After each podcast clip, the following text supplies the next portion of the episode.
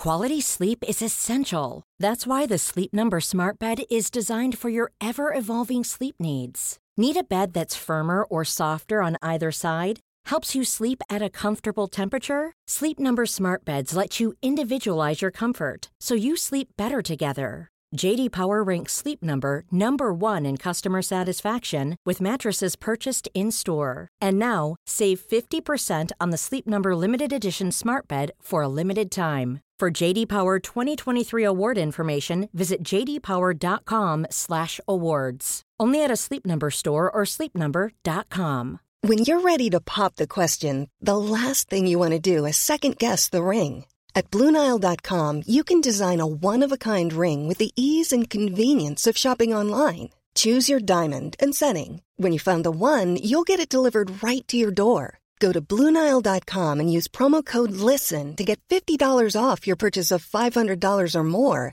That's code LISTEN at Bluenile.com for $50 off your purchase. Bluenile.com code LISTEN. Hiring for your small business? If you're not looking for professionals on LinkedIn, you're looking in the wrong place. That's like looking for your car keys in a fish tank. LinkedIn helps you hire professionals you can't find anywhere else, even those who aren't actively searching for a new job but might be open to the perfect role. In a given month, over 70% of LinkedIn users don't even visit other leading job sites. So start looking in the right place. With LinkedIn, you can hire professionals like a professional. Post your free job on linkedin.com slash people today. Veckans sponsor är Telia. Hos Telia samlar man mobil, bredband, IT-support, mobilväxel, allt som gör företagande enkelt. Och det är just det här att samla allt på ett ställe, att ha någon att vända sig till när det inte fungerar, det är Telia. Ett exempel på vad som inte är Telia, det är ju som när jag lyckas boka förmötet för en poddinspelning med Finansinspektionen till efter själva inspelningstillfället. Eller när jag här, här året var liksom, fick för mig att jag skulle börja springa, så jag är liksom ute och springer taggad, träffar en kompis som säger så du Jan, på måndag ska jag springa ett lopp. Och jag känner så här, ja men det låter inspirerande, så jag käkar pasta, jag byter om, tar mig ner till Malmö stadion för att göra en efteranmälan, står där i kön och sen så när jag liksom anmäler mig så tittar de på mig och säger så här, du Jan, vårhuset är bara till för kvinnor. Och eh, det var, det var typisk en situation som inte är Telia. Oavsett, ett stort tack till Telia som sponsrar, gör Rika Tillsammans möjligt, men framför allt tack till dig som lyssnar, följer och eh, hänger med oss varje vecka. Om du köper en eh, dyrare tröja så brukar du få bättre kvalitet på tröjan än någon som är väldigt billig. Men i finansbranschen är regeln att det är precis tvärtom. Ju billigare du köper, desto bättre kvalitet har du. Du lyssnar på Rika Tillsammans-podden som handlar om allt som är roligt med privatekonomi. I den här podden får du varje vecka ta del av konkreta tips, råd, verktyg och inspiration för att ta ditt sparande och din privatekonomi till nästa nivå på ett enkelt sätt. Vi som gör den här podden heter Jan och Caroline Bolmesson. Idag är det dags för avsnitt 46 och idag gör vi ett eh, samarbete tillsammans med Lysa som är den här eh, fondroboten som vi själva har placerat en hel del pengar i, eh, som startade 2017 och vi har med oss VD och grundare Patrik Adamsson. Mm. Varmt välkommen! Tack så mycket, jättekul att vara här. Ja, och alltså du har ju en superspännande bakgrund. Mm. Alltså så här, eh, på, på sätt och vis kan man säga så här klassisk inom finansbranschen. Pluggat på Handelshögskolan i Stockholm, jobbat i London på Investment Bank, eh, Merrill Lynch. Och sen så eh, tror jag så läste någonstans du jobbat med private equity och du har jobbat eh, även på Nordstjärnan här i, i, Sverige. Och eh, sen, som du sa, så här, men egentligen har jag nog alltid varit entreprenör. Ja. Och eh, sedan så startade du ju eh, Lysa tillsammans med två andra medgrundare och ett team eh, såklart. Mm. Så jag tänker, är det något du vill tillägga i presentationen? Mm, nej, det är inte direkt, tycker ja. jag inte. Man kan säga att eh, bakgrunden kanske inte var så spännande eftersom den följde den vanliga eh, trajectoryn Ah. fram tills för tre år sedan när vi startade Lysa. Ja. Men sen dess har det varit riktigt spännande. Ja, men det, jag tänker att vi ska prata en hel del med. Ja. Men, men grejen är också att det är spännande detaljer. Jag läste ju någon, i någon intervju att du, du hade ju tajmat den här subprime-krisen, att du slutade på Merrill Lynch en månad innan det small. 2008 då. Eller? Ja, det var 2007 var det va? 2007 till och med. Eh, 2008 borde det ha varit. Okej. Eh, augusti 2008 slutade jag på Merrill Lynch. Ja. Det var precis en månad innan eh, Merrill Lynch blev uppköpta av Bank of America. Ah. Ja. Men eh, så här, hur, alltså så här, jag blir ändå lite nyfiken innan vi, hoppar in och ska prata om fondrobotar och hela det här. Hur är det att jobba som investment banker, alltså i, i London? Det är lite galet. Eh, Jag var ju där en väldigt speciell period, 2006, 2007, Mm. när det var väldigt glada dagar för investmentbankerna. Man tjänade mycket pengar, det, man la ut väldigt mycket skulder så att säga. Man lånade ut mycket pengar. Och det var väldigt lärorikt att få se hela den här cirkusen som väldigt junior och se själva uppbyggnaden av finansbubblan. Mm. Precis, för, för sen läste jag någonstans att det var väl kanske det också som att just den här erfarenheten inom finansbranschen som ledde till, till Lysa. För jag tyckte, jag läste någonstans att det, ja, men jag blev, att det var en stor irritation hos dig. Så kan du inte berätta, liksom hur, varför blev det Lysa och hur blev det det? Alltså, den irritationen uppstod lite i konflikten med det jag hade lärt mig på Handels, hur man ska investera. Vilket är väldigt enkelt och rakt fram. Man ska betala så låga avgifter som möjligt, man ska sprida sina risker så mycket som möjligt. Man ska sätta en plan och hålla sig till den. Ganska tråkigt. Mm. Ehm, Men det var inte direkt tråkigt sen när man kom ut i finansbranschen för då var det komplicerade produkter, komplicerade skuldinstrument, ganska höga avgifter som man kunde ta betalt. Och det var den här eh, så konflikten mellan det teoretiskt korrekta och hur det fungerade i praktiken som gjorde att eh, den här irritationen började växa.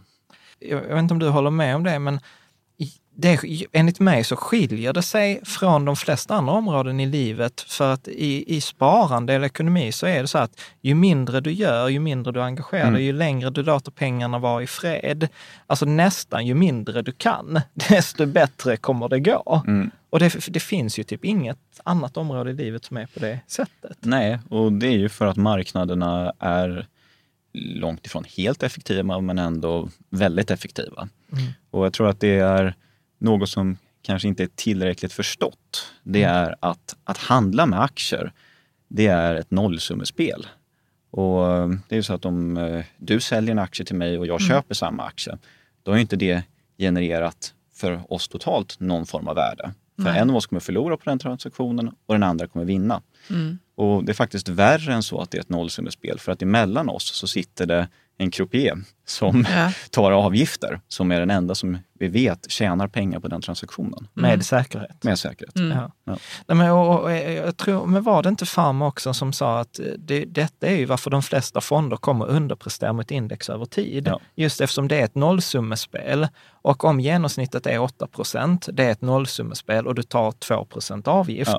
Ja. då måste ju det bli 6 procent i, Ja. i avkast. Och, då, och då kommer det ju minska eller underprestera mot index. Så är det. Det är matematiskt helt omöjligt för en eh, snittaktiv investerare att slå ett indexfond. Så att genom att investera i indexfonder så kommer det vara bättre än snittinvesteraren med säkerhet. Mm. Men det här är, eh, och det var något som Vanguard fick erfara när de lanserade på 70-talet. Att det här är ju inte något som finansbranschen tycker om att prata om. Så att eh, det var faktiskt kampanjer i tidningarna mot Vanguard när de hade lanserat. Det var helsidesannonser med Uncle Sam som stod med en stämpel som stod Stamp out index funds. It is un-American to be average. Att, Ja, Ja. det kan man tänka sig att de Precis. tyckte. Nej, men det, det, det finns ju, men jag, jag tror någonstans eh, 2013 så tror jag att indexen stod för typ 11 procent av sparandet i Mm. Sverige. sånt där. Eh, Och jag tror det har ökat lite, men jag tror fortfarande, vi, vi har väl inte passerat 25 procent ens Nej, det har vi inte gjort. Men det håller på att bli en revolution om man tittar på inflödena. på inflödena, speciellt i USA där man ser att aktörer som eh, Vanguard och Blackrock som är tunga på just indexprodukter, de har ju helt sprungit ifrån Fidelity som var det stora fondbolaget med aktiv förvaltning. Men eh, vad, vad var det för en irritation egentligen? Kan du, kan du liksom utforska den lite? Jo, jag skulle säga att irritationen började nog komma när jag skulle själv investera mina egna pengar. Mm. Jag var intresserad egentligen från dag ett när jag började, jobb, eh, började på Handels att ha mitt eget bolag. Och sen var jag kanske lite riskminimerande för att jag tyckte jag behöver en viss, eh, lite pengar på banken för att ta den risken. Så då började jag jobba i eh, London och sen när jag kom tillbaka till Sverige då började jag samla på mig lite pengar, inte särskilt mycket. Och då började jag fundera på hur ska jag investera de här pengarna? Och då läste jag på och så gjorde jag vad jag tyckte var supersmart.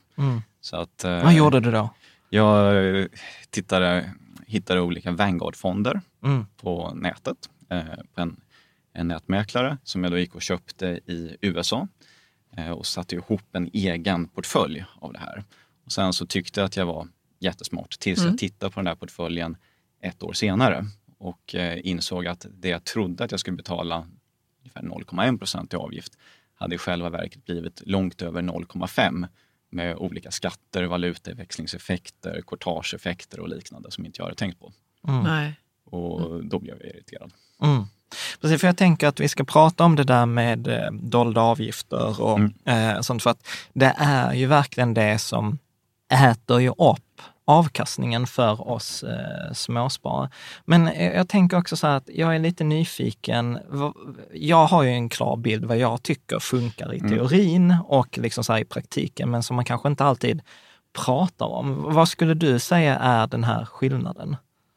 Och det man sk- ska säga, det finns några olika saker. Ehm, Den ena saken är ju att teorin förutsätter att vi är helt rationella människor som eh, alltid agerar som homo economicus. Vi gör det som är bäst för oss i varje givet tillfälle för att maximera det vi kallar för våra nyttokurvor. Och eh, så fungerar inte jag i alla fall. så att det finns många distraktioner och man läser om att eh, nu ska man vara investerad i det här eller att nu ska man investera på ett annat sätt. Så att det, finns, det finns många olika distraktionselement. Det andra som inte riktigt fungerar mellan teorin och praktiken, det är att i teorin så förutsätter man att alla har en väldigt bra informationsbild av vad man betalar och eh, också känner till hur man handlar på det bästa sättet. Och tyvärr är det så att en anledning att finansbranschen inte fungerar så bra, det är att eh, man har gjort lite mer komplext än det borde vara och man har inte alls eh, bra information som konsument utan man sitter i ett informationsunderläge. Ja. Mm. Eh, men kan du inte ge några exempel på det där? Där man sitter i ett informationsunderläge till exempel. Ja, nu har det blivit bättre på senare tid med Mifid 2. Men det klassiska exemplet innan dess, det var att om man satt med en rådgivare som skulle säga fonder, då var den rådgivaren eh, driven av provisioner. Man visste inte hur mycket man betalade för den rådgivningen som man fick. Eh, utan det kan man höra att det kostar ingenting och sen eh, är det i fonderna som avgifterna dras. Men då fick alltid den rådgivaren en så kallad kickback. En eh, annan sån sak som man inte ofta tänker på i finansbranschen det är att valutaväxlingsavgifter som äter upp mycket pengar. Om man är på flygplatsen och går till Forex, då ser man att det finns en köp och en säljkurs och man tänker på att det brukar vara en ganska stor skillnad mellan köp och säljkursen om man ska åka upp på semester. Ehm, Då märker man det. då märker man det. Ehm, Det ser man inte riktigt om man köper en amerikansk aktie eller en tysk aktie. Men man får en dålig Nej, för, för, också. jag vet, för att jag kommer ihåg att vi, vi pratade om det i ett poddavsnitt, tror jag, i höstas, att den genomsnittliga avgiften hos nätmäklarna eh, är ju 0,25. Tror jag är 0,25 på köp och eh, 0,25 på, eh, på sälj. Så att det blir ju liksom 0,5 procent på, på den transaktionen, köp och sälj eh, transaktion. Men för de som inte vet vad Mifid är, om vi bara kan liksom säga kort så. Det är ett nytt regelverk som har kommit eh, på plats i Europa som är tänkt att skydda konsumenten och är fundamentalt väldigt bra. Det blir mer transparent vad man betalar. Ja. Och eh, den trädde i kraft nu i januari i år. Hur, hur märker jag själv av Mifid om jag eh, ska handla med fonder eller aktier? ett tydligt exempel som har blivit mycket bättre det är att om man går in hos en nätmäklare nu och klickar på en fond till exempel, Mm. då kan man se nu hur mycket får eh, nätmäklaren betalt för att sälja den här fonden? Hur mycket får de som sköter fonden betalt? Och eh, hur mycket transaktionskostnader finns det i fonden? Mm. Så att det har blivit mycket Perfekt. tydligare och bättre uppspesat. Mm. Och det är bara drivet av Mifid. Ja. Men vi ska ju inte prata om Mifid. Det Mm. finns ju roligare saker att prata om. Men om det skulle är så här på eh, 30 sekunder, hisspitchen för Lysa, hur, hur låter den? Vi vill ge alla tillgång till kvalificerad kapitalförvaltning. Mm. Det är någonting som tidigare har varit eh, bara tillgängligt för bankernas private banking-kunder. Mm. Och vi vill göra det betydligt billigare än vad bankerna utför samma tjänster för. Mm. Det andra är att vi vill göra det så enkelt som möjligt, ta bort alla friktioner. Göra det enkelt att sätta ut pengar, enkelt att komma igång och investera, enkelt att månadsspara. Och det tredje är att vi vill ta bort allt struntprat som finansbranschen ofta håller på med genom att vara väldigt transparenta och bara säga det som vi faktiskt tror på. Bara göra sånt som vi faktiskt tror på. Mm. Nu kommer jag ju säkert få skit för att jag säger det här. Ja. Eh, inte av dig, men av läsare. Men jag får ju ofta säga, ja men när ni gör sådana här samarbeten och sånt, då, där är ju liksom, ni får ju ersättning för det här och hur vet jag att du, du, man kan lita på det du säger? Men grejen är att ni är ju en av de partners som jag helt genuint gillar mest. Eh, för att jag har ju liksom så här precis, eh, alltså så här, min historia är att jag har ju förvaltat mina egna pengar sedan 96, alltså i många år. Och liksom sedan 2008 när jag hade förlorat alla mina pengar andra gången och började liksom inse så här, där finns uppenbarligen något jag inte har fattat eh, i förvalta sina pengar och det kom in på hela det här med indexfonder och att liksom aktiv eh, eller passiv förvaltning slår aktiv över, läng över längre tidsperioder. Liksom, småbolag är bättre än storbolag över längre tidsperioder etc. etc. Så har det ändå varit ganska bökigt och nu med Miffi blev det ännu bökigare att komma åt en rätt fondblandning.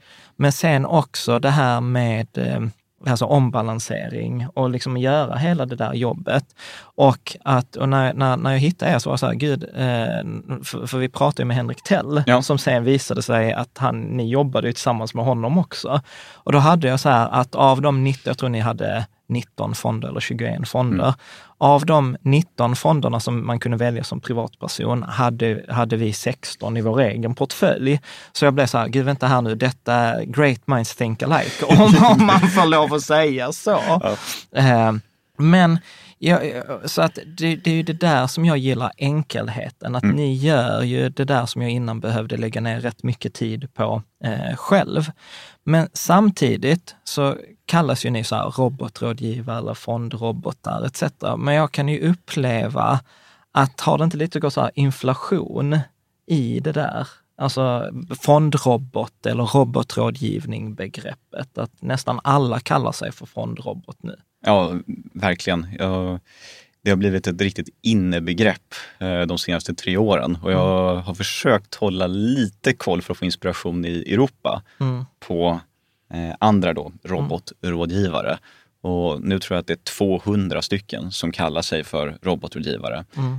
eh, som utför olika typer av tjänster. Och det är allt ifrån beslutsstöd, Mm. eh, där man inte ger några råd, till där man ger råd till fullfjädrad portföljförvaltning, som är det vi håller på med. Mm.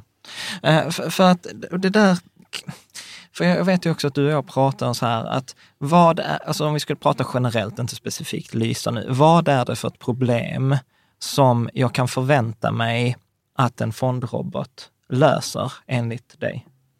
Det, det är lite olika beroende på vem man är. Mm. Jag skulle säga att det generella problemet som jag hoppas på att fondrobotarna kommer lösa, det gör att det är enklare och tillgängligare för fler att investera Mm. i aktiemarknaden.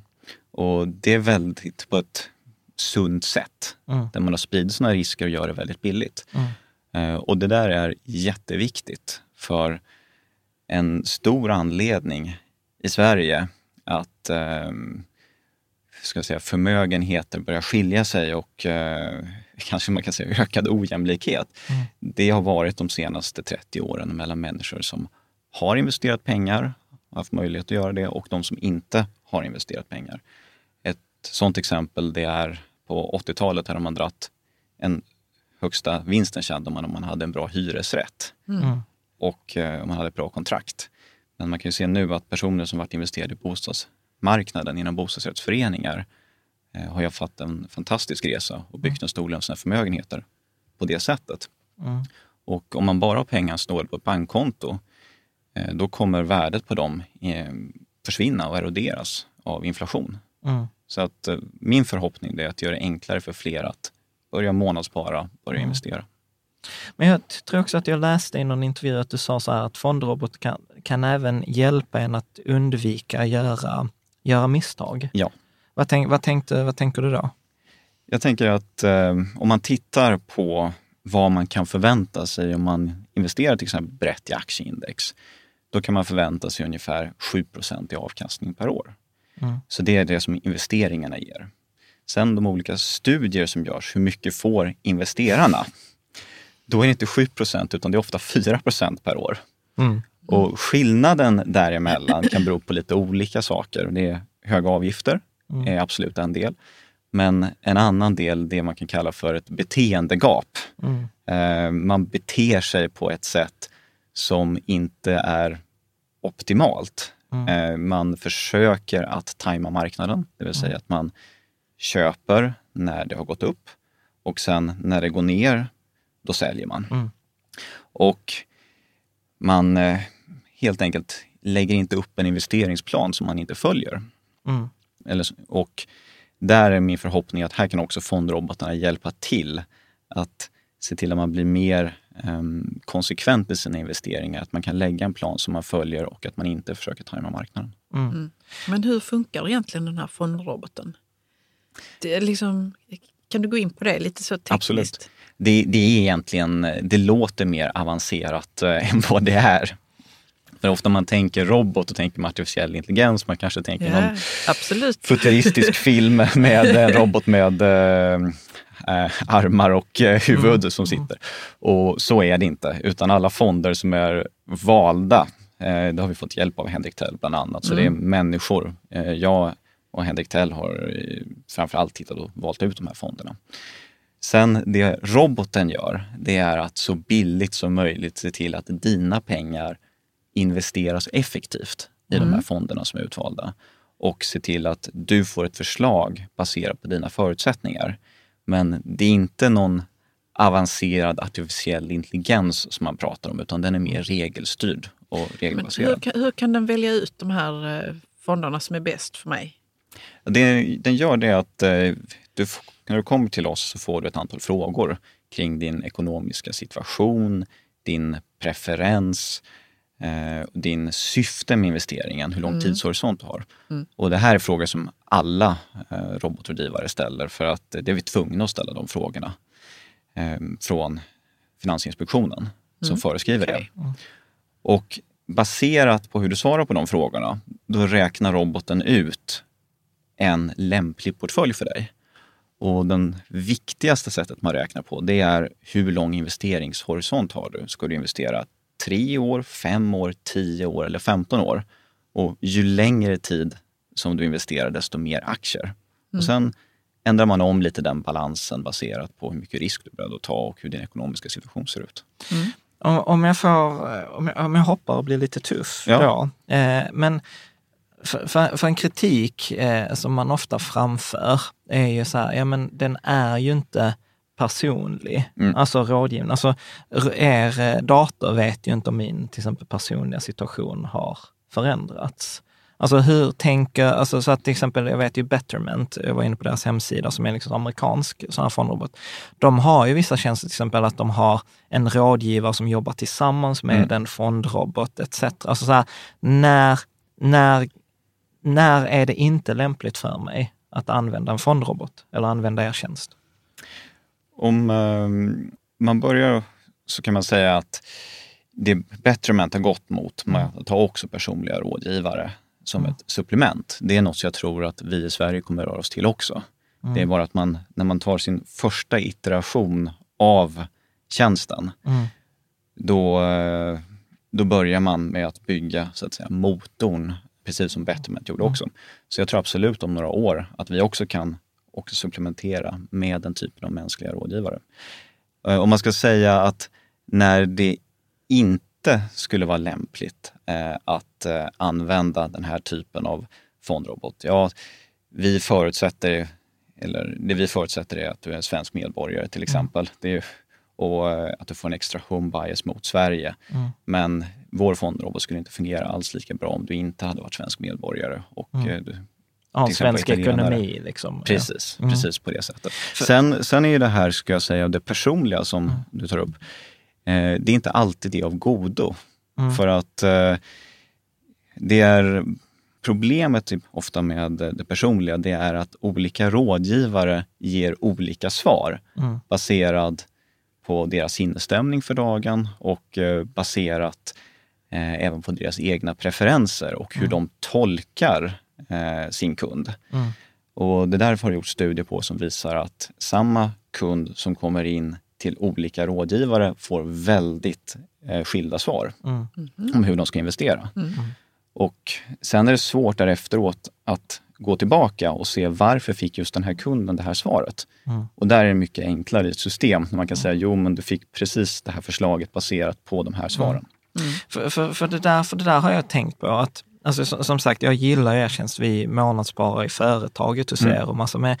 Men sen inser jag också att jag vet ju, okej, okay, men om plötsligt min investeringshorisont ändras, då mm. måste jag ju vidta eh, åtgärder. Ja. Och, och där, jag tror jag lyssnade på Nordnet Live som hade ett sånt här också stycke där de pratade just om ja. fondrobotar. De konstaterade att ja, men, eh, idag så kan man väl säga att fondrobotarna är som en fyra femåring alltså mm. i utvecklingsfasen. Jag vet inte om du håller med om det eller inte.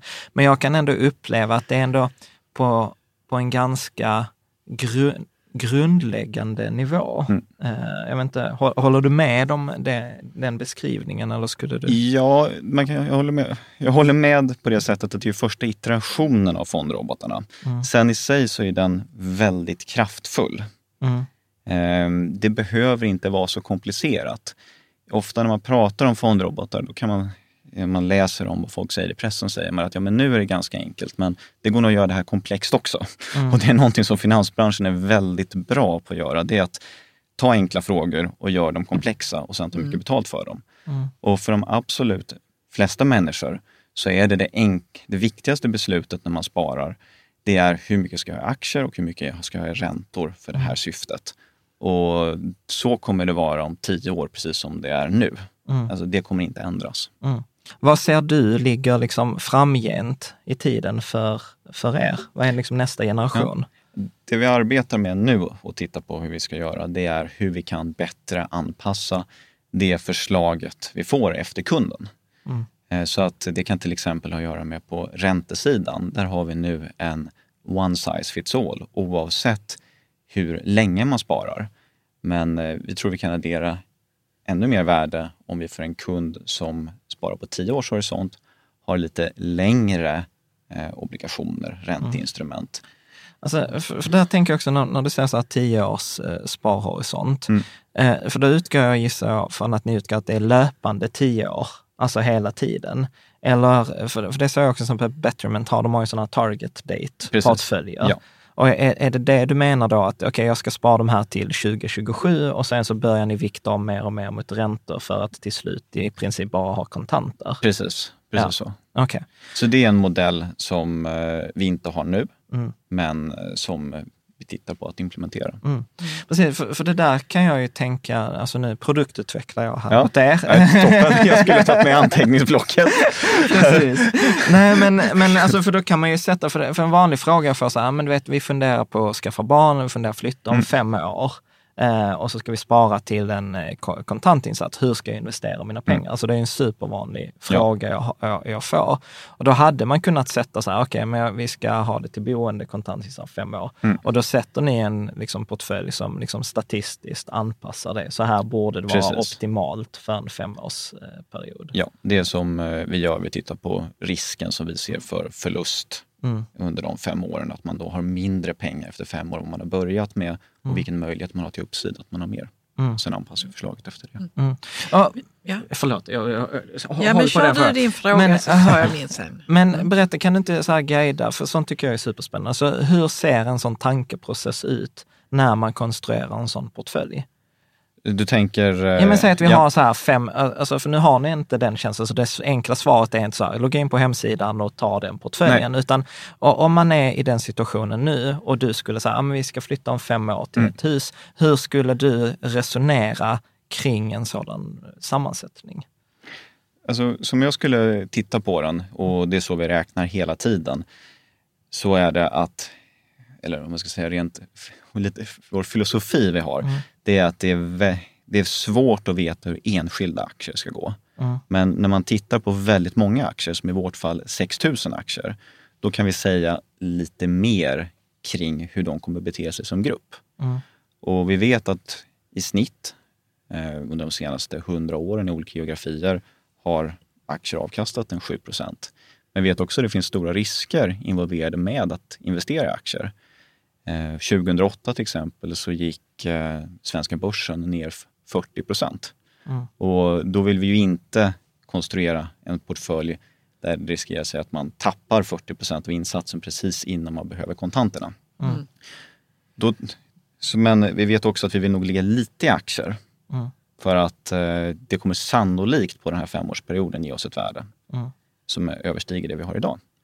Så då använder vi en krockkudde också som är räntor. Mm. Och då konstruerar vi den portföljen att den ska ha så lite som möjligt som man kallar samvariation med aktierna. Mm. Det vill säga att om aktierna går ner, då vill vi helst att räntorna ska gå lite upp, vilket de gjorde 2008.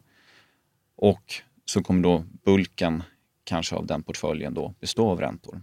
Och sen ska man gärna då också givetvis ha ett buffertsparande på ett sparkonto. Så hur skulle du göra med egna pengar? Eh, du tänker på för Så fem år rent, sedan? ja, ja, precis. Rent konkret. Hur skulle du så här, mellan tummen och pekfingret resonera? Du tänker, jag skulle eh, sätta en, eh, en del av den här kontantinsatsen på ett sparkonto. Mm. Hur stor Eh, del? Ja, jag skulle kan, nu, nu blir det verkligen liksom... Ja, men det är mellan tummen och pekfingret. Jag, jag, kan, jag, jag, kan, jag kan säga Jag sen säga- vad jag hade gjort, så Okej. kan vi se om vi har samma. Nej, men säg, eh, det beror lite på hur stor kontantinsats är också, men säg en eh, Men säg- vi säger- 20-30 procent Mm. något sånt där, i kontanter. Eh, sen så kanske jag hade satt eh, ytterligare 20-30 procent i räntor. Mm. instrument. Kort, korta räntor eller? Ja, jag skulle säga kanske med, med en livslängd på fem år kanske, eller lite Ja. kortare än det. Och eh, sen hade jag satt resten i eh, ett brett aktieindex. Mm. Så ungefär 40 procent aktier. Ja, ungefär så. Ja. Ungefär så. Spännande. Jag, jag själv hade resonerat ganska likt. Eh, jag brukar säga För så här, att, nej, men min tumregel som jag brukar tjata om på bloggen, det är ju så att 10 procent i aktieexponering per år man kan låta pengarna vara. Mm. Så att jag Ja, hade det sagt, är en bra tumregel. ja, så jag Mm. hade sagt 50 procent i Ja. aktier, resten i hälften i korta räntefonder och hälften i kontanter. Mm. Så att eh, Mm. väldigt Likt, liknande. Eh, så. Förlåt Caroline. ja, men, men jag hade någon helt annan fråga. Ja, shoot. Jo, för jag tänker så här, algoritmer är liksom det, lite det som styr våra liv. Mm. Det finns i Facebook, det finns i Google, det finns säkert massa andra ställen också. Men är det det som ni jobbar med? Eller har ni flera algoritmer? Eller hur? Jag blev bara så nyfiken på hur, hur, vad ligger liksom bakom. Någon har, någon har liksom programmerat ihop Ja. det här. Det, det, det stämmer. Det, det är en ganska så att säga, iterativ process att man går tillbaka när vi har skapat den alg- algoritmen som ger investeringsförslaget. Mm. Så att eh, vi började lite som eh, Jan och jag resonerade nu egentligen från tumregler. Och sen testkörde vi den algoritmen på flera Mm. människor som inte hade sett den tidigare för att ge ett förslag och se om det stämde ungefär överens. Eh, nu har vi ju 6 000 kunder som vi kan testa algoritmen på hur många som accepterar förslaget, gör en liten ändring eller gör en stor ändring. Och det där är ganska spännande. För att då ser vi att 60 procent tar exakt det förslaget vi har gett dem. Mm. Ungefär 20-25 procent eh, är nog närmare, gör en liten ändring och ungefär 15 procent gör en större ändring. Vilka är, Jag är de 15 Nej, men får jag bara höra? Åt vilket håll? Där undrar man ju, där undrar man vilka är de 15 procenten som tycker så? Nej, Ja, men men jag vet bäst. Ja, men det var jag. Jag var en Men det är, det är män i 30 Ja, som, som tycker att de har du, hybris. du drog upp lite mer aktier kanske? Nej, faktiskt tvärtom. Tvärtom? Tvärtom. Ja. Eh, ja, men vi har ju två sparande hos er. Vi har ju mm. vårt privatsparande. Eh, och där drog jag faktiskt upp risken, för där tror jag att jag fick 70-30 i aktier. Så det drog jag upp till 90-10. Eh, och sen så när det gäller företagets pengar, ja. då fick jag typ ja, men liknande 70, men då drog jag ner det till 50-50. Mm. För, för där kände jag så här, ja, företagets pengar är ändå lite ja. mer kort, eh, kort sikt. Eh, ja. Men, så, men så att nej, det var inga stora mm. förändringar, utan det där tyckte jag. Tyck du tyckte det? nej, men, nej, men jag, nej, men, nej, men jag tycker, men jag är lite mer, alltså så här, med företagets ja. pengar så är jag, är jag mer försiktig. Ja, ja absolut. Äh, Absolut. Och, sen, och sen, sen, var det nog också så att jag, jag gillar ju att experimentera, så jag, jag har ju gjort er guide flera gånger. Tänkte ja. undrar vad som händer när jag svarar där. Så till slut visste jag nog inte vad som var rätt ja. eller vad som var autentiskt. Ja. Men, Men, ehm, får jag bara fråga, så, varför, ja. varför blev det Lysa? Varför blev det det namnet? Vi funderade på lite olika namn. Så att, ehm, och i slutändan så satte vi oss ner och kom fram till nu måste vi bestämma oss. Du och, och dina två medgrundare? Var det ja, ni eller var det? det var jag tror faktiskt, det var nog, vi hade diskuterat det lite men sen kom jag fram till, jag får nog komma fram med några bra förslag för det är mm. ganska svårt att ja, fundera på namn. Så jag kommer ihåg att jag satte mig med en stor liksom, kanna kaffe på kvällen. Och anledningen just med Lysa det var att vi tänker att i finansbranschen har det här problemet att den är ofta den är lite intransparent. Det är lite svårt att veta vad man betalar för avgifter. Det är lite av en dimlager lagt över. Mm. Och eh, då bästa sättet att skingra dimman det är att sprida ljus mm. på det. Så därför ja. lysa. Men är det inte också så att man, man sätter sig ner och sen börjar man testa domäner? Så är det också. så att, eh, det, det, är helt, helt korrekt. det där är den stora hemligheten. När man startar företag idag, det är att sjukt många företag som bestäms av vilken domän som ja. är ledig. Exakt. Och eh, problemet här var det faktiskt så att jag trodde att lysa.se var ledig. Aha. Och sen visade det sig när jag blivit riktigt, eller vi hade blivit riktigt kära i namnet, att det var den ju inte. Aha, det låter För billigt. Man, ja. Eh, det var faktiskt, det var en utdragen förhandling. Mm. För att innan vi skulle lansera hade vi ju, det tog ungefär ett och ett halvt år att få tillstånd från Finansinspektionen och också att bygga systemet. Ja. Uh, och jag är ju grunden smålänning. Mm. Så att uh, jag tänkte att jag har ju lite tid att förhandla här. Mm. Så att det var en kille jättetrevlig eh, från eh, Skåning som eh, hade tänkt att han skulle bygga en lampaffär. Mm. Som han skulle ha lysa.se. Mm. Så att eh, jag körde igång en bearbetning på honom och det tog en eh, nio månader ja. Ja. att komma i mål med det. Ja. Och, ja, Ni kom vi, överens? Vi, kom överens. Han var nöjd, vi var nöjda. Ja, ja. ja men det är skitbra. Mm. Men Patrik, kan du inte berätta hur en fond kvalificerar sig hos er? Absolut. Vi har ett eh, investeringsråd som väljer ut de fonder som vi investerar i. Och det investeringsrådet består av mig själv, av Henrik Tell som varit eh, med tidigare i podden, Bo Becker som är professor i finansiell ekonomi på Handels i Stockholm och Marcus Ibert som är doktorand i finansiell ekonomi på Handels. Så att tanken är att kombinera lite den praktiska biten som Henrik står för mer och eh, den mer teoretiska biten. Nu är också Henrik liksom väldigt duktig på det teoretiska, men han har en gedigen praktisk erfarenhet. Um, och det är åtta stycken olika kriterier som vi väljer ut efter. Där det viktigaste är att det måste passa väl in i portföljen. Mm. Så att uh, vi vill ju ha en fond som representerar japanskt index så bra som möjligt till exempel. Och sen vill vi gärna ha räntefonder som har så låg som man säger, samvariation som möjligt med aktierna. Mm. Och det betyder att om en aktiefonderna går upp så vill vi helst inte att det också ska leda till att räntefonderna går upp också. Mm. Vilket det ofta gör om man har så kallade högavkastade räntor. De påverkas av aktiekurser på ett helt annat sätt. Mm. Sen är det andra viktiga kriterier som att det ska vara låga avgifter. Men det ska också vara så att det är väl diversifierat, att man inte lägger alla ägg i samma korg. Mm. Så då kan vi köpa dyrare fonder som till exempel den här Vanguard Global Small Cap som kostar 0,38 eh, som är absolut mycket dyrare än vår snittfond. Mm. Sen tittar vi också på saker som eh, tracking error, hur mycket av de här fonderna avviker de från det underliggande indexet som de ska följa, hur effektiva är de här fonderna när de handlar Eh, var någonstans finns de här fonderna? Vilket land? Jätteviktig sak för oss också det är att fonderna i så lång utsträckning som det bara går ska vara det man säger är fysiskt replikerande. Eh, Det andra är att den är syntetiskt replikerande och det kanske låter lite underligt men en fysiskt replikerande fond den köper aktier, riktiga aktier. Medan en syntetiskt replikerande fond kan köpa kontrakt som försöker replikera en aktie och det tycker vi inte alls om. För det är lite oklart vad som händer med de kontrakterna i en finanskris. Okej. Så det finns många olika kriterier. Man kan nörda ner sig väldigt djupt i det. Precis. Nej, för det där är ju, ett, apropå att hjälpa småsparare, så det där var ju en sån sak som jag lärde mig den svåra vägen. Att jag tyckte att, det här, apropå samvarians, att eh, men, eh, om jag köper Länsförsäkringar Global Indexnära och DNB Global Index så har jag ju diversifierat. Ja. Men det har jag ju inte alls Nej. för att det är i princip identiska fonder. Är De äger ju precis samma grejer.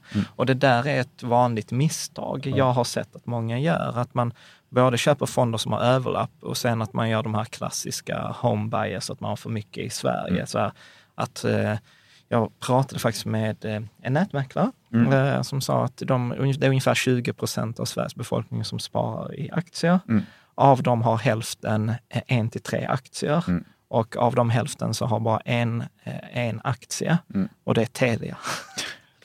Ja, det var, Nej, så- jag såg en liknande bloggpost av Claes Hemberg Ja. som eh, just på Avanza att det var väldigt många kunder som hade en aktie och då var det Fingerprint. Ja, precis. Så att, eh, nej, så att där är ju mycket, alltså som är så här, som du säger, hygienfaktorer Ja. egentligen att bara ha. Och sen, sen så vet jag att jag har ju många läsare som är väldigt, väldigt duktiga och då brukar jag säga så här att att det är inte antingen eller. Att liksom, okej, antingen förvaltar jag själv eller så kör jag er tjänst.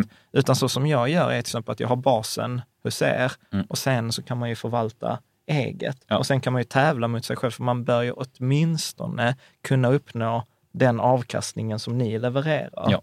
Eftersom där har jag liksom någon som har tänkt till och, ordentligt. Och det är många som eh, använder oss på det sättet nu som ett riktmärke för det man gör själv för att få en liten känsla för hur, om man har några som för, har tänkt till eh, mycket och satt samman den här portföljen och som verkligen sköter den i praktiken. Hur går det jämfört med min övriga portfölj? Det är det många kunder som gör. Och vad, vad är det, jag läste någonstans också att ni har väldigt många kunder från finansbranschen. Ja, faktiskt. eh, Det var lite roligt. Nu har det blivit lite färre, men i början, kanske upp till vi har 500 första kunder, så var nog hälften arbetade i finansbranschen. Ja. Ehm, vilket är ju lite roligt. Eh, Det var inte bara era kompisar. Det, nej, det var inte bara kompisar och det är fortfarande, ska vi säga, en, eh, bland våra kunder nu så är det personer som arbetar i finansbranschen eller som advokater eller revisorer är kraftigt överrepresenterade. Ja. Ja. ja, det är skoj. Men, men man kan vara en vanlig person också. Det kan man absolut, absolut vara. Det var bara i början tror jag lite mer som eh, den typen av personer sökte sig till oss för de kände igen modellen, vet att det är bra med index Ja. eh, och eh, kanske kände igen också person, namnen på personen bakom. Ja, ja, precis. För om jag har förstått det rätt också, ni har ju egentligen två fonder, alltså typ Lysa aktier och Lysa räntor. Precis. Och sen består ju av Lysa aktier av en massa fonder Ja. och Lysa räntor består av massa. Och där var det till exempel den här Vanguards eh, småbolagsfond. Eh, Ja. Så det är därför jag var så här, för den är ändå Men- lite ovanlig. Ja, och, och det där är faktiskt eh, Henriks fel. Henrik, nej, det, den är, det, är, det är en jättebra fond, är det. men den är lite dyrare än det normalt som vi köper, så den kostar 0,38 procent. Så det är helt klart vår absolut dyraste fond. Men den är väldigt bra. Men vi köper inte den för att ha en överallokering mot småbolag, utan vi köper den för att representera hur världen faktiskt ser ut. Och Men- ungefär 10, eh, ungefär 10 procent av alla bolag då i det globala, om man ska skapa ett globalt index, är småbolag. Men när man köper svenska indexfonder, då brukar inte de handla i småbolag. Så att, eh, och samma sak internationellt, för det är mycket enklare då att bara köpa de stora bolagen som är enklare och billigare att köpa och sen skippa småbolagen. Så att de representerar man aldrig i någonting som man säger är en indexfond, utan man håller sig till stora bolag. Men det är inte en perfekt replikering av hur världen ser ut. Så därför köper vi den. Mm. Och, och, och, där har ni försökt, om, om, jag, om jag förstår rätt, alltså ni har försökt representera alltså det som man på engelska global cap, alltså ja. hela totala börsen med små bolag, stora eh, bolag.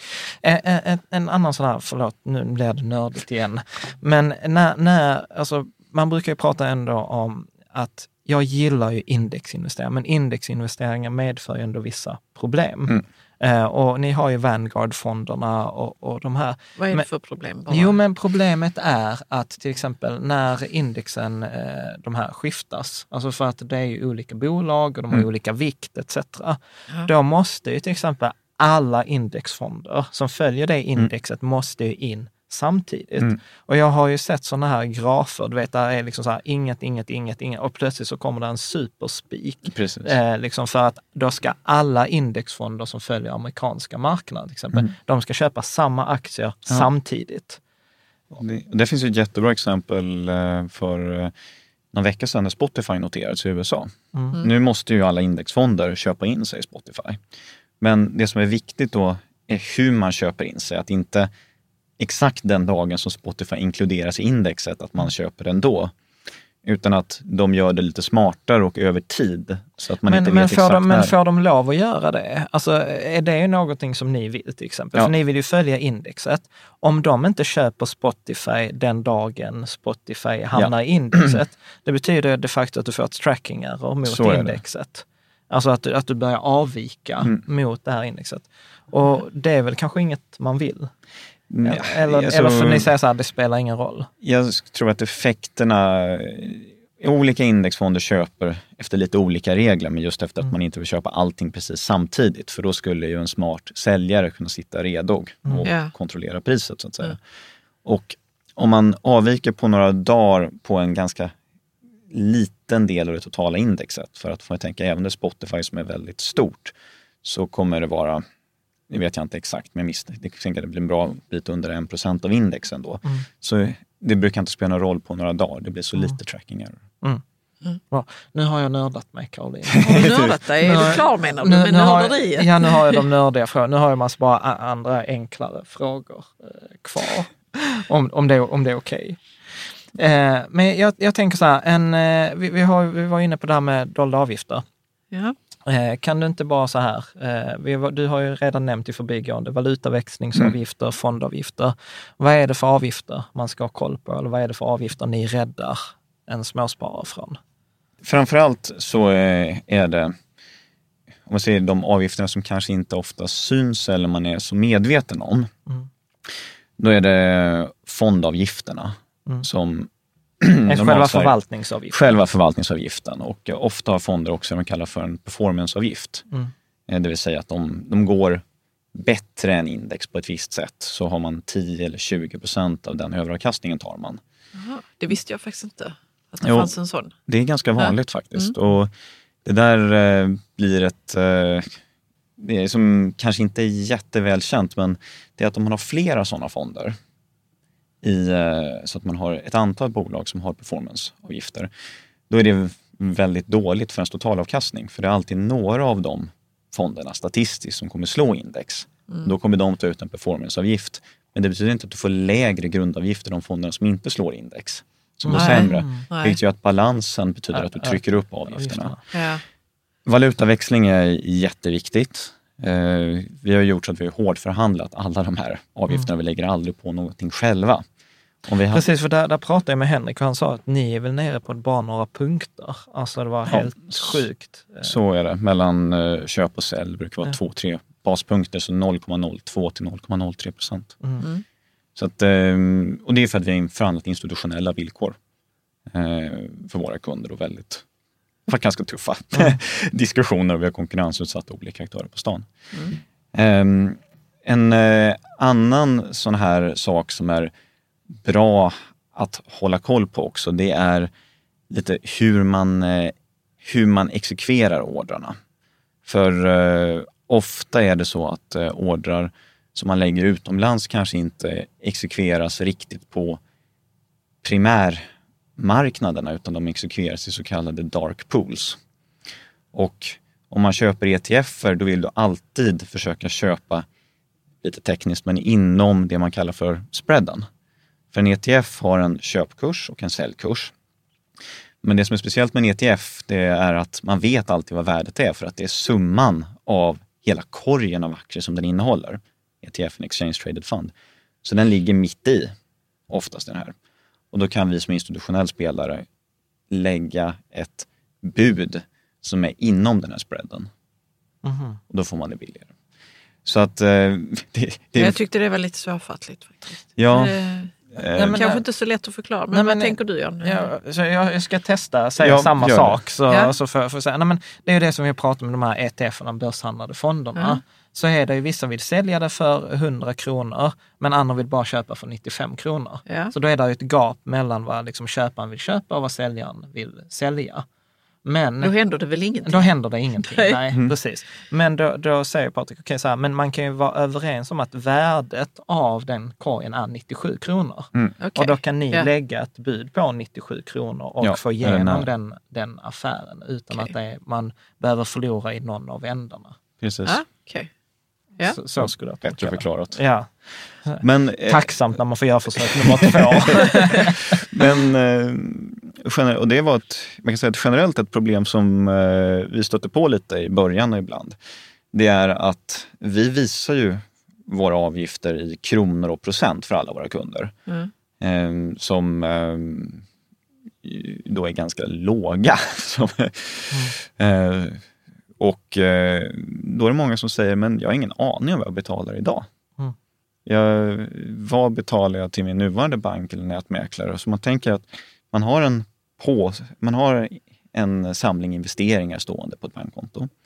Och sen så undrar man, okej, men hur mycket har flyttats från det bankkontot in i bankens resultaträkning? Hur mycket Ja, har de tjänat av mina ju. pengar? Ja, Det är en ganska intressant siffra Ja. att veta. absolut. Eh, och eh, det är jättesvårt att ta reda på. Jag tror inte det, eh, som konsument, jag tror att det går knappt att räkna ut. Då menar ni att, att, du menar att ni visar den här eh, siffran? Att man kan få se den siffran, eh, vad som har gått in i... eh, Precis. I avgifter. Och, och den uppdaterar vi varje dag. Både hur mycket du har betalt under året Ja. och hur mycket som vi då estimerar att du kommer betala under året. Ja, Du sa att du hade en historia kring det där också. Ja, jag säger det här med avgifter, att det inte är så enkelt. Att det är, eh, man måste verkligen vara på tårna. Eh, och eh, det var kring en sån här avgift på valutaväxling just. Det är ju jag som sitter och tittar på den där under dagarna för att se till att den här spreaden håller sig på två, tre baspunkter. Och så var det en dag så gick den där upp till 50 baspunkter. Och då funderade jag, mig, vad, vad är det som har hänt här? Och då ringde jag den banken som gör valutaväxlingen och då sa de att jo, men vi nollställer era rabatter en gång per år. vilket är ju exakt samma sak. utan att säga till innan. Utan att säga till, Ja. vilket är ju precis samma sak som för bolån. Ja. Så att Ja. det, det gäller att vara på har man- tårna även när man sitter och förvaltar pengar. Kan ha vissa i absoluta kronor lite större påverkan. Men då Eh, måste man börja om med förhandlingen. Det kan ju i och för sig vara bra. Nej, men det är just den här eh, De, De är, det där var nog lite miss i arbetet. Vi har Ja. väldigt bra samarbetspartners som hjälper Ja. oss med eh, valutaväxlingen. Mm. Men det, det där är också spännande med avgift, för, för att detta att ni har, för ni ligger på en totalavgift om jag inte minns fel på typ 0,34. Eh, sen är det, beror, lite det beror stafflat lite på, på, så att man kan säga generellt ligger mellan, ja, om man sätter, det beror lite på hur mycket man sätter Ja. in. Om man sätter in mer så blir avgiften lite lägre. Men, men säg jag tror att om vi tittar, säg att de flesta, så här, det är i och för sig spännande fråga. Vad, är- vad är ge- genomsnittsinsättningen för en kund? Genomsnitts, eh, om vi ska titta på eh, genomsnittet som en kund har hos oss just nu, det är 80 000 Ja. eh, för en privatperson. Sen växer den där eh, ganska kraftigt för att av de 6 000 kunder vi har så är det nu närmare 3 000 som har ett månadsspar. ja. Och, vad, är, vad är medianen? Medianen är lägre. Den eh, ja. ligger ungefär runt... Ja, så, eh, så att jag gissar, för jag gissar att det är vissa kunder som sätter som in sätter mycket. mycket och vissa sätter in ja. lite mindre. Precis, men, men, säg, men säg för en sån här genomsnittskund eller en mediankund, 50 000. Säg att jag sätter in 50 000 månadsspar, då ligger jag väl på 0,30 4 eller något sånt. Det beror lite på hur mycket du har i räntor och hur mycket ja. du har i aktier, men jag skulle säga kanske 0,36. Ska ja. ja, var inte långt ifrån. Nej, men, eh, jag, men, jag, jag, blir väldigt van att räkna baspunkter ja, nu. Ja, okay, men. ja, nej, men precis. Och då betalar jag 0,36 varje per, år, per år, per år på mitt totala ja, ja, precis. Och, och, av detta så går väl, kan man väl give or take 0,2 till Mm. fonderna och 0,14 till er. Ja, Lite un- drygt, ungefär give or take. Men, och det där är ju extremt lite. Ja. Det, det, det vet jag att ni har ju fått kritik för det där också. Att det var Ja, folk som sa att... Det tyckte du var väldigt kul. Vadå, vadå? Eh, Nej, men jag läste i någon, eh, någon artikel att folk hade sagt till er att ni borde ju ligga dyrare så att ni kan sänka över tid. Ja, det Och- var, Ja, det såg jag också. ja, det var en artikel där det var en person som var anonym, tror jag, som sa att de tyckte det var för billigt och för enkelt. Ja. Och då kände vi, nu, nu är vi på, rätt, på nu är vi rätt på väg. rätt väg. Men, men, men, men, Men, eh, eh, och det där är ju lite av en, eh, ska vi säga, en bett som vi har tagit och sätta avgifterna lågt. Så att eh, om vi ligger cirka på en snittintjäning på 0,2 Mm. kanske på, det är det som Lysa Ja. får. Och den ska ju alltid vara detsamma oavsett hur kunden agerar eller hur vi investerar. Som sagt, vi ska aldrig känna Mm. mer eller mindre beroende på om vi ger ett annat ett råd. Men det- men Det Om- där, det där tycker jag är intressant, förlåt Åbo, för du, Ja. jag vill att du skulle få fördjupa dig Ja. i det där. För du sa att det där är ett av de stora problemen i finansbranschen. Att man tjänar olika på olika rad och att Mm. Ja. du är emot det. Det är mm. jätteproblem. Jag tror jag kan säga att alla finansbranschens problem som jag ser för en privatsparare kommer utifrån det här enkla faktumet. Att man, om, när man sitter ner med kunden eller banken sitter ner eller en rådgivare eller även om det är på nätmäklaren, då tjänar man olika mycket beroende på hur kunden agerar. Vilket alltid skapar ett tryck mot att få kunden att agera och köpa de dyrare produkterna.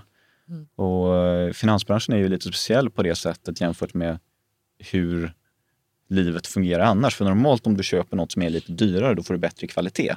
Mm. Om du köper en eh, dyrare tröja så brukar du få bättre kvalitet på tröjan än någon som är väldigt billig. Men i finansbranschen är regeln att det är precis tvärtom. Ju billigare du köper, desto bättre kvalitet har du.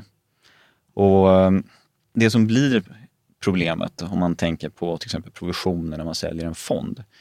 Säg att eh, jag kan säga en svensk fond som jag gillar, Länsförsäkringars global indexfond. Det, det, det är en bra Globala indexfond. Ja, det är bra. Ja, men Min favoritfond. Lä- Länsförsäkring och SPP har fina fonder. Mm. Eh, Länsförsäkring Global Indexkund kanske har lite mer i emerging markets, men det är en jättefin fond. Den eh, kostar 0,2 procent. 22. 0,22. Det är med eh, transaktionskostnader kanske också. Ja. Ja. Men, eh, ja, nå- nå- baspunkt. och det som eh, systemet funkar nu, eh, det är att den som distribuerar den här fonden får hälften av den avgiften. Så eh, nätmäklaren eller banken som säljer den får 0,1 och Länsförsäkringen får 0,1 eller 0,11, 0,11. Om man istället säljer en dyr fond som kostar 2% då får banken eller nätmäklaren 1% Så för varje krona som kunden investerar i en dyr fond så kan det vara så att den som distribuerar den tjänar tio gånger så mycket. Och det skapar ju ett internt tryck hela tiden mot de dyrare fonderna. Ja. Och det där är ett jätteproblem med finansbranschen. Mm. Så att det vi tror är framtiden, eller det jag är övertygad är framtiden, det är att man rör sig mer mot plattformsavgifter, som är, kan säga det är att vi tar. Som är att det du sätter in, då får du betala en flat fee, men sen är det ingenting extra som vi lägger på för valutaväxling till exempel, för då hade vi velat få kunden att valutaväxla. Det har funnits ett internt tryck mot det hela tiden. Så det är den absolut kanske viktigaste idén bakom Lysa. Det är att aldrig trycka kunden åt ett visst håll. Men det där har ju också lett till en ganska vanlig fråga som jag har fått. Så här, vad- men eh, vad händer om Lysa går i konkurs? Mm. Så att eh, om du skulle svara på den, vad händer om ni går i konkurs? Vad händer med mina pengar då? Det händer ingenting med dina pengar. Eh, De är säkrade. Så att eh, de är helt avskilda ifrån Lysas tillgångar. Och om Lysa skulle sluta existera, då kommer du ha kvar eh, det du har investerat i. Ehm, och, så det har ingenting att göra med Lysa. Eh, Sen kommer jag vara väldigt ledsen. Men det är, Vi kan Men väl ha kvar kunderna- det, för att nu så kan man ju investera i fonder som annars inte går Ja. att investera i, som Vanguard. Va? Precis. Jag tror att eh, det som skulle hända rent eh, tekniskt sett, det är att eh, det man kallar för depåbanken skulle ta över fonderna och eh, skulle kanske förvalta dem vidare eller så skulle de sälja av och så skulle man få ut pengarna igen. Eh, men det är inte så att säga, det blir inte Lysas beslut i det läget. Vi ska börja avsluta här alldeles strax. Mm. Eh, vad upplever du är den vanligaste myten eller missuppfattningen om er? Om oss. Jag skulle nog säga att den vanligaste missuppfattningen det är att, eh, det, är väl, att det är opersonligt på det sättet. Och eh, vi, eh, vi har haft väldigt många möten. Jag tror kanske vi har haft på 300 möten med kunder. Vi har full support så man kan ringa in och få svar och hjälp.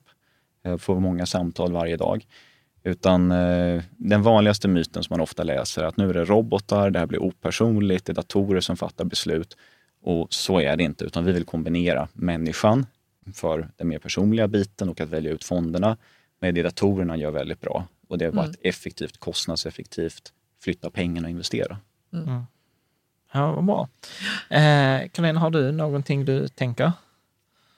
Nu avslutningsvis. Ja. Ja, du får ju ta din sån fråga som du alltid ställer sig. Men, men eh, du och jag, vi pratade lite om poddar innan. Ja, Ja. Och du lyssnar på podd. jag lyssnar mycket på poddar. Ja, men har du någon, kan du inte berätta vad du lyssnar på? Jag lyssnar, eh, vi pratade lite om eh, Tim Ferriss, eh, som är lite, man kan säga en livscoach, lite tips. Ja, han gillar ju liksom att dekonstruera vad, vad det är Ja. som gör vissa high performing människor, vad ska man säga, högpresterande människor så duktiga på det som de gör. Ja. Så han har ju mycket intervjuer och så. Ja, i- jättespännande. Och sen har, finns det en podd som heter Freakonomics Ja, som jag är jätteförtjust i. Det finns eh, två stycken jättebra avsnitt från mars eh, som man kan lyssna på. Den ena heter The worst thing you can do with your money. Som, och, eh, sånt låter alltid så spännande. Ja, det- Man tänker, det var- ja, det gör säkert inte jag. och eh, den andra handlar lite om eh, något som man kallar för indexkortet som var en amerikansk professor i soci- sociologi, tror jag. jag kommer, Pollock tror jag han heter. Jag kan ha fel, det är vanlig professor i Pollock. Som eh, tröttnade lite på finansbranschen och eh, alla komplexa råd och satte sig på kvällen och skrev ner nio stycken tips för en privatpersons ekonomi och hur man ska sköta den. Och eh, det där gick viralt och blev jättepopulärt. Eh, det enda avsnittet är jättespännande också. Okej. Jag blev sjukt spännande. Vad, vad Ja. var de där nio tipsen? Ja, och, men den är på engelska då? Den är på engelska. Kommer du ihåg några av tipsen? Ja, jag skulle säga det första tipset det är, vilket givetvis kan vara lite svårt, men det är att man ska försöka spara 10% av sin inkomst varje månad. Eh, sen eh, ett annat sånt här tips det är att man ska bara investera i indexfonder. Man ska alltid, det första man ska göra med sina pengar varje månad är att betala av sina kreditkortsskulder. Okej. Det är den typen av tips. Och några av dem är väldigt USA-fokuserade, pensionssystemet där. Ja, de Men här de är väl- 401 Ja, eh, K. precis. Ja, Men, eh, precis. Men det, det där hänger ju lite ihop som vi pratade när vi käkade lunch innan också. Att många, många av de bästa tipsen i finansbranschen är ju sådana du kan, du kan läsa dig till i en bok på biblioteket. Ja, så är det. Eh, Och, och att det blir ju problematiskt för att vi värderar många gånger kanske inte den typen av eh, råd.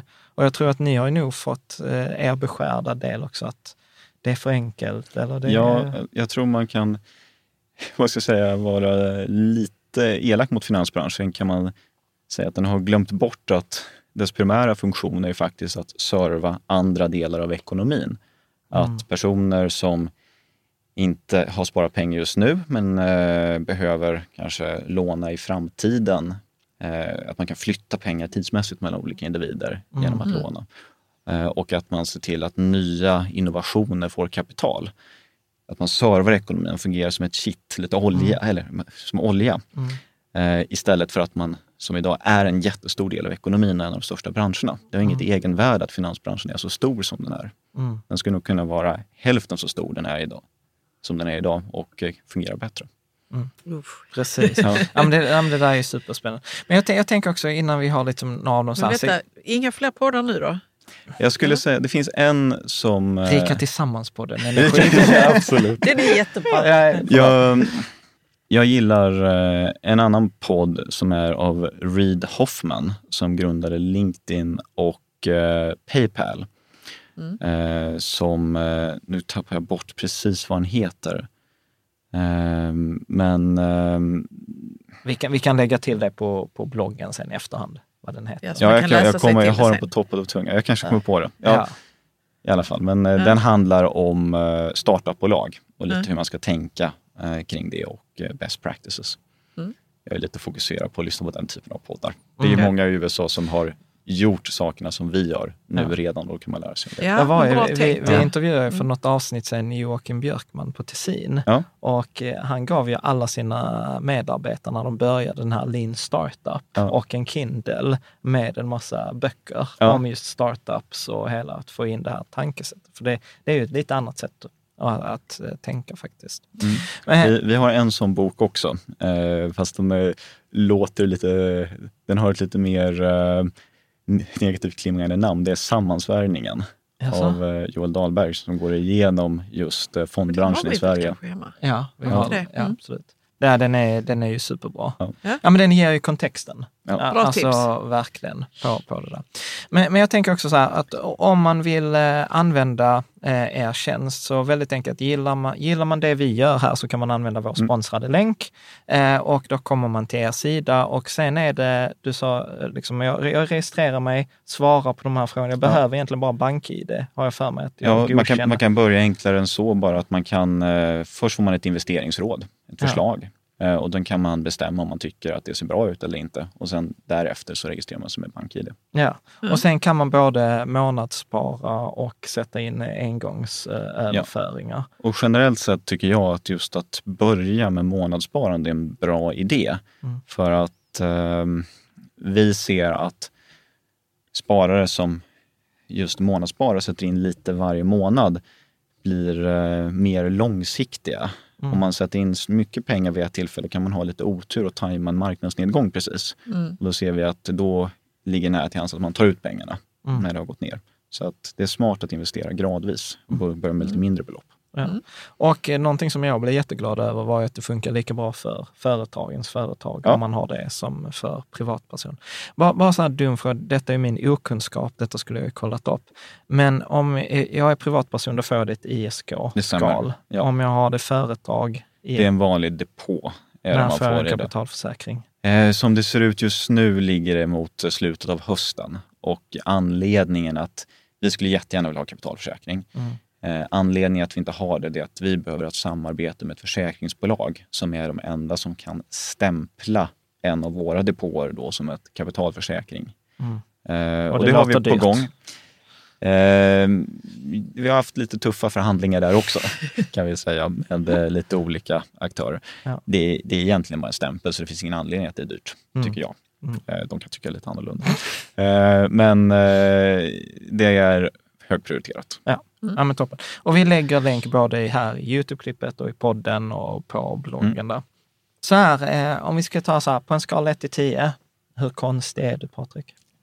Konstig. Mm. Ehm, det är ju lite svårt att bedöma själv. Uh, sex, sju kanske? Ja, motivera. Ehm, jag tror jag var, jag blev, eh, kanske, jag upplever väl nog som att jag har blivit lite mindre konstig sen jag fick barn för tio månader sedan. Jag tror andra kanske tycker med pappa liksom lite mer, att man blir mer och mer konstig. Men jag tycker nog att jag känner mig lite mer normal innan dess och Ja. efter det. Men eh, gör inte sån här eh, det är inte så att man flyger, sticker ut på kvällen och eh, försöker köra snabbt med drönare och liknande Nej. som jag gjorde tidigare. Men På kvällen. ja, efter jobbet. ja, ja, nej, Det är inte vi, så mycket. Det är nej, men kanske sex, sju, något sånt där. Ja. Ja. Eh, du var ju lite inne på det innan, om du skulle ge bort en bok, vad ger du bort då? Då kan jag nog, alltså, Sammansvärjningen är en jättebra bok. Men eh, om jag skulle ge bort en bok nu så skulle jag säga att eh, det finns en bok som heter, eh, som handlar om risk, Against the Gods, som går igenom konceptet risk och dess historia Mm. eh, av eh, Peter L. Bernstein. Eh, kom med bok 96. Och den går igenom just det här att förr så trodde vi hur världen har gått från att förr var väldigt deterministisk och att gudarna hade bestämt på det här sättet så spelar det inte riktigt mycket roll vad du gjorde för någonting. Nej. Till ett annat synsätt som är mer sannolikhetsbaserat och går igenom den historien väldigt detaljerat. Vad- vad sa du att den hette? Against the Gods. Against- Mot gudarna. Mm. Är Spännande. den lite filosofisk då? Kring, Lite eller har den så, gett dig någonting jobbmässigt? Jag tror att jag tänker Så. lite an, på risk på ett lite annorlunda sätt. Mm. Ett annat sätt att säga vad vi gör på, risk, eh, på Lysa det är att vi hanterar risker. Mm. Vi försöker att anpassa den risk som vår kund tar efter dess förmåga att bära risk. Mm. För vi vet att utan risk, om man inte tar någon risk, då är det svårt att få en utväxling och utveckling. Men eh, det gäller att ta rätt nivå av risk. Precis. Är det någonting som är sant för dig som nästan ingen annan håller med dig om? kan säga, det är en bra fråga. En sak som eh, jag tycker är jätteviktig, eh, som vi inte har pratat om nu eh, och där de flesta tror jag tänker på lite annat sätt, det är att jag tycker att man... Ett stort problem som vi har, det är att vi är alldeles för fokuserade på resultat och inte av processen. Menar du Eh, bara ekonomi nu eller? Nej, jag tänker det var sport också. Ja. Att eh, man bryr sig mer om att resultat, sportresultatet, om ett lag har vunnit eller om det har förlorat. Medan det som man borde titta på, eh, det kanske är mer processen. Hur laget har tränat tidigare. Vilken metod hade man använt och hur bra förberedda var man för matchen? Eh, för det är en metod som är, man kan reproducera och man kan applicera på andra ställen om man ska träna inför nästa match. Men om man bara tittar på resultaten hela tiden, eh, då kanske man säger att det här laget var jätteväl förberett men egentligen hade de bara tur och de, eh, de andra sköt stolpe ut hela tiden men hade 70% av bollinnehavet. Och det där är ett jätteproblem också i ekonomin. Att man är fokuserad på vilken aktie har gått bäst, vilken fond har gått bäst och sen ska man investera i den härnäst. När man Ja. borde se vad var processen för att välja, som den här fondförvaltaren använder för att välja fonderna. Är den reproducerbar så att den kan använda den metoden igen? Ehm, det, och det kanske är något sätt som jag försöker tänka på världen mycket. Det är mer i processer och metoder och inte titta så mycket på resultatet, slutresultatet. Nej. Ja, jag, jag brukar ju Ja. tänka på det där ibland, det är som att ha en målkamera i ishockey. Ja. Om man ser bara när pucken går över mållinjen. Istället för att titta vad hände innan. Spelet innan, innan, vad ja. hände med Nej, spelet men väl, innan. väldigt bra beskrivet. Ja. Mm. Men eh, eh jag, jag tänker eh, där att hur, och hur dyker detta upp för mig som värde för mig som kund till Lysa i ditt jobb som vd eller i fondurvalsprocessen? Vi, eh, det, det, jag håller på att försöka träna mig lite på det här och det är ganska svårt. För att eh, varje dag så får ju vi får jag ju en sammanställning på hur har fonden gått dagen innan och eller hur har våra kunders innehav gått dagen innan. Eh, och det där gör när det har gått ner, det gör ju lite ont. Det känns ju. Mm. Eh, och när det har gått upp så känns det bra. Jag försöker träna mig själv att jag inte ska känna så mycket om det har gått upp eller ner utan att jag ska däremot banna mig själv om det har funnits en bättre fond för att följa Nikkei 225, alltså japanskt index som inte vi har valt för det var något med vår metod som gjorde att vi missade den. Mm. Eller vi har gjort någonting annat fel, att vi hade valt någon fond som inte var tillräckligt skatteeffektiv i sin utdelning eller liknande. Så att metoden kan vi mycket påverka och där ska man känna att man gjort bra eller dåligt. Men alltså, man blir lite schizofren när man sitter och tittar varje dag vad som händer det har gått upp när det har gått ner. För att vi vet ju att 51-52 procent av alla dagar så går det upp och 48 procent går ner. Och det är Ja. mycket ondare för mig. Min förlustkänsla när det har gått ner är mycket värre än den lyckokänslan jag får när det har gått upp.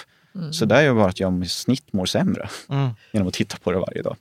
Precis. Jag, läste, att, när eh, jag, läste, jag tror det var när, jag när vi pratade med Henrik, han sa ju så här, ju, ju mer sällan man eh, loggar in på sin depå, desto bättre mår man. Ja. För då har ju de där små procenten ökat. Och det, eh, där, det där var lite Ja. roligt för att eh, vi försöker göra vi har pratat med en del konsulter om eh, användarvänlighet och vad vi vill uppnå med vår sajt. Precis, låt kunderna bara logga in en gång om året. Nej, men, ja, men det, var, det, det var lite på det temat för att eh, han sa att ja, men då vill ni ju ha kunderna ska logga in så mycket som möjligt för att maximera deras engagemang. Och jag sa nej, det här är lite mer slow food för det. Vi tror inte våra kunder mår bra om de loggar in varje dag. Man skulle kunna logga in när man vill och titta på det givetvis. Ja. Men det är inte en tjänst som är tänkt att man ska logga in varje dag, sen ska det ha hänt någonting häftigt. Ja. Den är Nej. tänkt att vara lite Så då, tråkig. då det kommer lite produktutveckling här, tips igen. Ja. Man ska säga att har du loggat in två dagar i rad, då ska det komma så här felmeddelande. du du loggar in för ofta. Vi fick faktiskt införa en sån här eh, en restriktion som var att eh, nu, vilket man kunde i början, nu kan man inte ändra sin fördelning mellan aktier och räntor mer än en gång i veckan. Mm.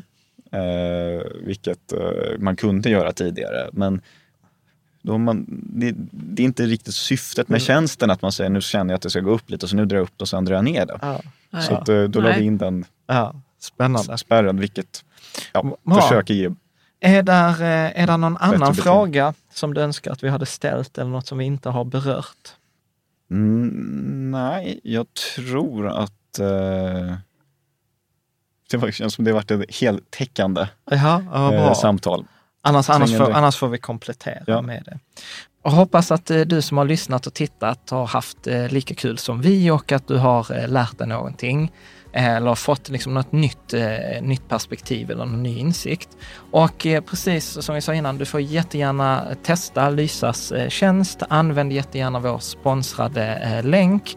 Och man kan börja från, liksom, som det, vi pratar inte miljoner att börja se, Nej, utan det är, man börjar från någon tusenlapp och sen månadssparandet är lite mindre. Och, och, man, och det är inte heller något så att man låser in sina pengar utan Nej. man kan testa och gillar man inte så kan man ta ut alla sina eh, pengar också. Absolut, det finns inga inlåsningar. Nej.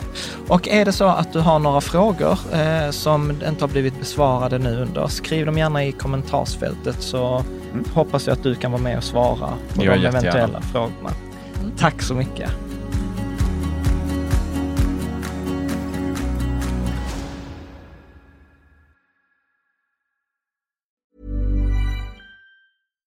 Deserves the best, and there's no better place to shop for Mother's Day than Whole Foods Market. They're your destination for unbeatable savings, from premium gifts to show-stopping flowers and irresistible desserts. Start by saving 33% with Prime on all body care and candles. Then get a 15-stem bunch of tulips for just $9.99 each with Prime. Round out Mom's menu with festive rosé, irresistible berry chantilly cake, and more special treats. Come celebrate Mother's Day at Whole Foods Market. When you make decisions for your company, you look for the no brainers. And if you have a lot of mailing to do, stamps.com is the ultimate no brainer. It streamlines your processes to make your business more efficient, which makes you less busy. Mail checks, invoices, legal documents, and everything you need to keep your business running with stamps.com. Seamlessly connect with every major marketplace and shopping cart. Schedule package pickups and see your cheapest and fastest shipping options from different carriers with rates up to 89% off USPS and UPS rates. And with the Stamps.com mobile app, you can take care of mailing and shipping wherever you are. Make the same no-brainer decision as over 1 million other businesses with Stamps.com. Sign up with Code PROGRAM for a four-week trial, plus free postage and a free digital scale. No long-term commitments or contracts. That's Stamps.com. Code PROGRAM.